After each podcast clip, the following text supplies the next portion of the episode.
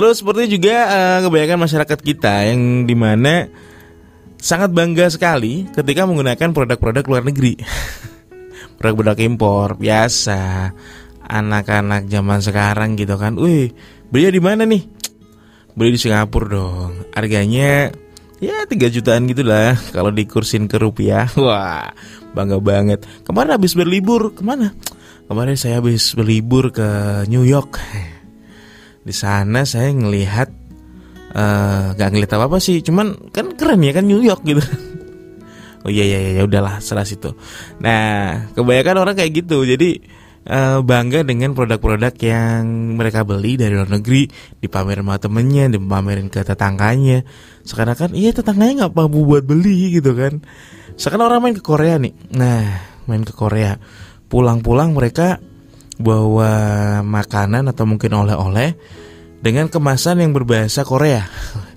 Loh, ini kayaknya kemasannya beda nih di uh, sekitaran sini nggak ada nih. Kayaknya di minimarket sekitar sini nggak ada. Nggak ada dong ini belinya jauh tau. Di Korea Utara. Udah Korea Utara lagi kan? Luar biasa. Dan ternyata Masyarakat Korea itu sangat menggemari produk-produk Indonesia. Mereka mengakui jika bahwa produk Indonesia kualitasnya bagus dan harganya kompetitif. Dah, gimana ceritanya kita bangga tuh bawa oleh-oleh dari Korea. Tapi ternyata malah masyarakat Korea itu sebenarnya malah bangga ketika make barang-barang yang made in Indonesia. Karena katanya kualitasnya Indonesia tuh bagus-bagus tau. Bahkan ada sebuah toko di Korea Utara menjual ratusan produk asal Indonesia. Jadi cuman produk-produk Indonesia yang aja yang dijual di sana karena udah pasti lakunya katanya gitu. Nah, uh, salah satu hal yang membanggakan adalah masyarakat Korea Utara ternyata menggemari produk-produk buatan Indonesia karena dinilai lebih unggul dibandingkan dengan negara lain. Hal tersebut tidak lepas dari satu harganya terjangkau dan memiliki kualitas yang baik. Nah, bahkan salah satu toko di Wonsan menjual hingga ratusan produk asal Indonesia dan mayoritas produk yang mereka jual ya produk Indonesia. Luar biasa kan berarti produk Indonesia itu uh, punya nilai mutu yang bagus dengan harga yang terjangkau gitu.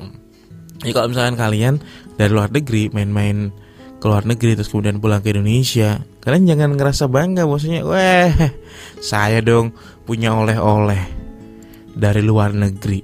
Kemarin saya habis naik pesawat ke Korea pulang-pulang saya bawa AK47 ada masih gitu? Uh, kalau dulu temannya sih ada yang kayak gitu ya. Cuman uh, dia dia nggak nggak sampai yang keluar negeri sih. Cuman keluar kota aja terus kemudian pulang-pulang dia bawa barang-barang yang dia per, peroleh dari luar kota. Cuman ya udahlah ngasih oleh-oleh ngasih oleh-oleh aja gitu. Tapi pakai disombongin yang harus nggak terima.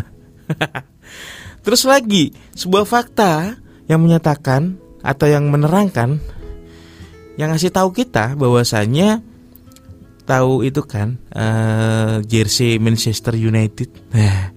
Di tahun 2015 itu ternyata MU MU, MU, literally MU Manchester United yang kita kenal di TV-TV yang waktu pertandingan bola ya kan. Yang dulu ada Ronaldonya tapi sekarang ada. ya kan MU pernah ada Ronaldo kan iya kan iya ada ada ada terus pindah Real Madrid terus kemudian sekarang pindah ke Juve si Ronaldo nah dulu itu MU punya jersey di tahun 2015 yang ternyata jersey dari MU itu diproduksi oleh Indonesia. Jadi ada made Indonesia di jersey uh, punyanya MU Gak ada tuh pemain MU tiba-tiba main bola terus kalau misalkan jersey Indonesia ini ya jersey Indonesia itu ternyata uh, murahan. Gak ada tuh pemain MU yang tiba-tiba naik apa lagi main bola terus tiba-tiba garuk-garuk gitu. Aduh gatel banget nih. Gak ada terbukti kan dan itu adalah jersey yang terbaik yang pernah dimiliki dan dijual bahkan di uh, toko yang ada di Old Trafford sana nah di pusat merchandise-nya jadi ada seragam kandang, ada seragam tandang dan penjaga gawang kan biasanya. Nah, variasinya terdiri dari lengan panjang, pendek serta dengan nama pemain dan polos. uh, seragam punya MU itu ternyata made Indonesia pabriknya adanya di Tangerang Banten sana aduh uh, kaosnya dari Tangerang nih. Gatel nggak ada gitu nggak ada nggak ada. Biasa aja orang kayak Bima. Jadi harga yang dipatok untuk setiap seragam sebenarnya relatif mahal. Dan fakta ini dibuktikan ketika ada salah seorang atau beberapa orang yang pernah main ke Old Trafford. Terus kemudian di sana mereka beli oleh-oleh gitu kan. Mereka kaget ternyata harga yang ditawarkan itu sampai bisa 55 pound sterling untuk lengan pendek dan uh, bisa sampai 75 pound sterling. Seragam kiper polos 60 pound sterling tuh kan. Satu pound sterling itu sekitar 20 ribuan gitu. Jadi Megastore di sana di Old Trafford juga menjual seragam untuk anak-anak harganya sampai bisa 40 pound sterling. Selama tanding celananya aja 22 pound sterling dong. Kemarin hari habis dari pasar beli celana pendek kan harganya 25 ribu lah ini celana aja harganya 22 pound sterling dan made in Indonesia. Jadi aduh kalau masih ada aja yang ngerasa bahwasanya apa sih made in Indonesia, bikin Indonesia pasti nanti ya seperti dulu ya ketika Pak Habibie bikin pesawat gitu kan. Ada yang beberapa nyinyirin katanya, ya udahlah pesawat bikin Indonesia, ntar juga jatuh-jatuh sendiri. ada yang bilang kayak gitu, jadi nyepelein banget sebenarnya. Dan uh, fakta bosnya banyak, banyak banget produk-produk Indonesia yang dipakai di luar negeri. Terus Piala Dunia tahun berapa ya? Harus lupa ya. Pokoknya Piala Dunia juga pernah pakai tuh bola dari Indonesia. Ya kan? Enggak yang gini ketika Piala Dunia terus tiba-tiba uh, mau nendang lah bolanya gecol nih. Nggak ada kayak gitu. Jadi bikin Indonesia itu sebenarnya bagus-bagus tau. Terus kemudian uh, ya seperti yang kita tahu tempe tempe di luar negeri kemarin juga harus pernah jelasin hal itu. Terus kemudian ada lagi yang terkenal di luar negeri adalah bakso. Orang luar negeri itu kalau bikin bakso gak bisa kayak Indonesia, nggak tahu kenapa. Katanya sih gitu. Orang luar negeri bikin bakso ikan, bikin bakso daging, bikin bakso apa pun, rasanya nggak bisa kayak di Indonesia. Karena yang mau Indonesia adalah baksonya kuat banget patinya gitu. Tahu pati kan? Pati itu kayak tepung gitu loh. Ya sejenis tepung, tapi kan ada ada tepung terigu, ada tepung ketan, ada tepung pati. Nah, Indonesia tuh kuat banget. Dagingnya itu satu ons, patinya sebaskom. enggak, enggak, enggak kayak gitu. Cuman emang eh, harga yang dipatok bahkan di luar negeri itu seporsi bakso itu bisa sampai 52 ribu. Wah, mahal banget ya. Kalau di sini 52 ribu beli bakso, wah besoknya warungnya tutup. terus ada lagi yang uh, yang yang juga produk Indonesia terus dijual di luar negeri, kita tahu tempe. Nah, tempe itu kalau kita ke Eropa itu harga kalau di sini harganya 2000 udah dapat ya sepotong gitu. Ya sepotong gede, ya lumayan gede.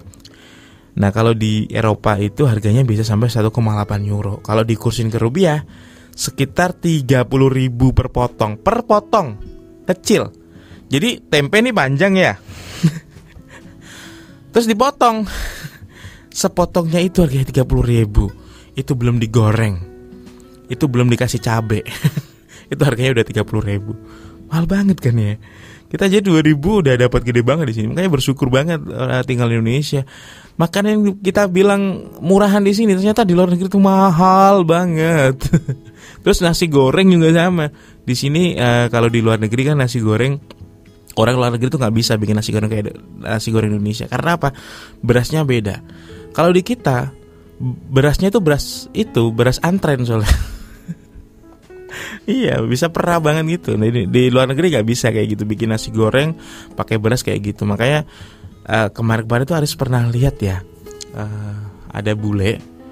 Nah itu ke Tuban tapi itu udah tahun berapa gitu ya? Bule yang kerja di Tuban terus kemudian dia tuh ke bak, uh, bakul nasi goreng gitu. Ke bapak tukang nasi goreng. Dia bawa baskom gede pesen nasi goreng di sana. Jadi orang orang bule aja doyan gitu ma nasi goreng kita ya kan. Padahal kita udah tahu sausnya dari apa. Sambelnya kayak gimana gitu tapi tetap enak aja kalau emang lidah-lidah kita gitu. Kemudian pisang goreng di luar negeri yang di depan apa di depan radio nih harganya 500 rupiah di luar negeri harganya bisa sampai 85 ribu per bijinya per pisang gorengnya. Mahal banget kan ya? Gimana? Tertarik untuk jualan di luar negeri? Atau misalkan kalian kepikiran untuk mendiskreditkan produk-produk yang ada di Indonesia atau barang-barang Indonesia. Ya di Indonesia. Ah pantesan pantesan gini-gini. Mikir-mikir lagi deh kayaknya. Karena di Indonesia barang-barang yang dari Indonesia di luar negeri itu sangat-sangat dihargai sama orang luar